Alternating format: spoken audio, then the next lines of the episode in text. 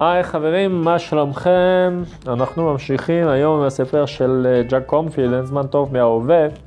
בפרק הנוכחי הוא מדבר על אה, אהבה ושנאה וסבל של העולם ואיך זה מתחבר ביניהם. בעצם אה, רוב האנשים הם חיים עם המון סבל וכעס ורגשות מאוד מאוד לא נעימות בפנים. ומשאירים אותם די הרבה זמן. הם uh, רואים מישהו ושונאים אותו משום שהוא עשה להם משהו, או סתם כי uh, פשוט לא בא להם על אותו בן אדם. ומה שהוא אומר שם, שבעצם הסבל הזה אפשר לרפא אותו רק דרך אחת, לרפא אותו, שזה אהבה. כלומר, להיות בחמלה, בנדיבות, בטוב לב לאנשים, זה פשוט מה שיביא לנו, אה, לחיים שלנו ולחיים של הסובבים שלנו, את הריפוי, את האהבה, את התמיכה ההדדית. אה, אחד מהדוגמאות שהוא נותן שם, הוא מדבר על אה, מלך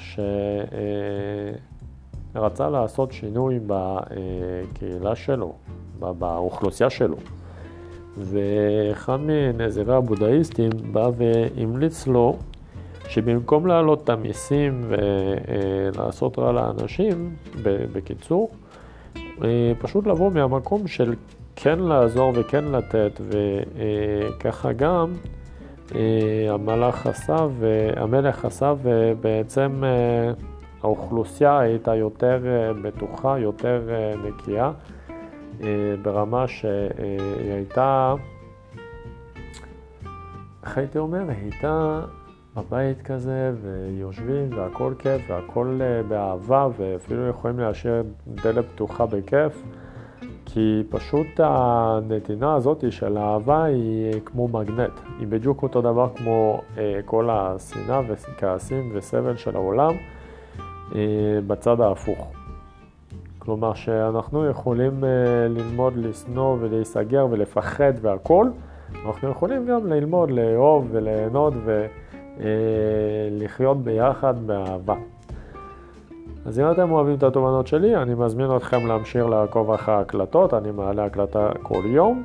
ואתם יכולים למצוא אותי גם ברשתות חברתיות כמו פייסבוק, יוטיוב, באינסטגרם, פשוט תכתבו שם את השם בנג'י שוקרון כמו שהוא מופיע בשם של ההקלטה ואתם תמצאו אותי שם.